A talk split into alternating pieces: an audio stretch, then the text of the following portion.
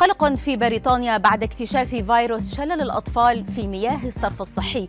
طبيب لبناني يدحض مخاطر وضع الخبز في الثلاجة. خضروات يفضل تناولها مسلوقة. ونتعرف على الأشياء التي لا يجب وضعها أبدا في الجلاية. أبرز أخبار الساعات الأربع والعشرين الماضية في دقيقتين على العربية بودكاست.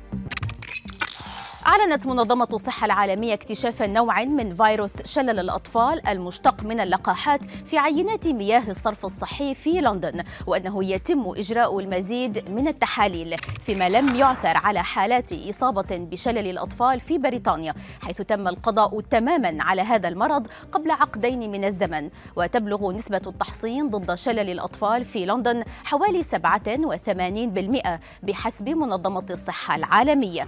وحذرت المنظمة المنظمة من أن أي شكل من أشكال فيروس شلل الأطفال في أي مكان يمثل تهديدا للأطفال في كل مكان. فيما تشير المعلومات إلى أن النسخة البرية من الفيروس موجودة الآن فقط في أفغانستان وباكستان.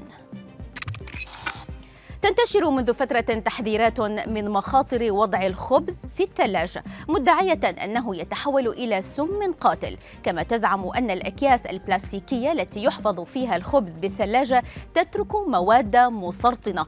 لكن البروفيسور في علوم الكيمياء بالجامعة الأمريكية في بيروت بيير كرم قال إن هذه الادعاءات لا أساس لها من الصحة مضيفا أنه من الناحية الكيميائية لا تؤثر البرودة على جزيئات الخبز ولا تغير في تركيبته.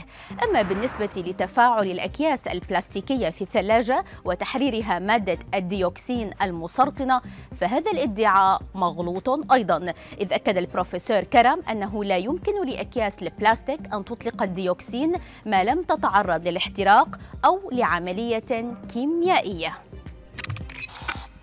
بخلاف المعتقد السائد لا تفقد العديد من الخضروات خصائصها المفيدة للجسم بعد معالجتها حراريا بل على العكس تزداد فائدتها. فإذا كنت ترغب في الحصول على فائدة قصوى من بعض الخضروات يجب عليك أن تتناولها مسلوقة كما تقول خبيرة التغذية الروسية مارغريتا كوروليوفا التي أشارت إلى أن المعالجة الحرارية لبعض الخضروات تنشط مركب الليكوبين المضاد للأكسدة وتحسن عملية امتصاصه خاصة في الجزر والطماطم والفلفل الأحمر. تستخدم العديد من ربات البيوت غسالة الأطباق أو الجلاية لتنظيف أدوات المطبخ إلا أن خبراء صحة حذروا من وضع بعض تلك الأدوات في الجلاية تحت أي ظرف من الظروف. صحيفة ذا البريطانية نقلت عن خبراء قولهم إن الصحون التي كسرت سابقا وتم لصقها يجب عدم وضعها في غسالة الصحون لأنها قد تتعرض لخطر الكسر مرة أخرى. كما أن السكاكين الحادة وألواح التقطيع الخشبية أيضا من أدوات المطبخ التي لا يجب أن تدخل الجلاية وذلك لأن السكاكين قد تصدأ فيما ستتمدد الألياف الموجودة في ألواح التقطيع الخشبية وتتشقق.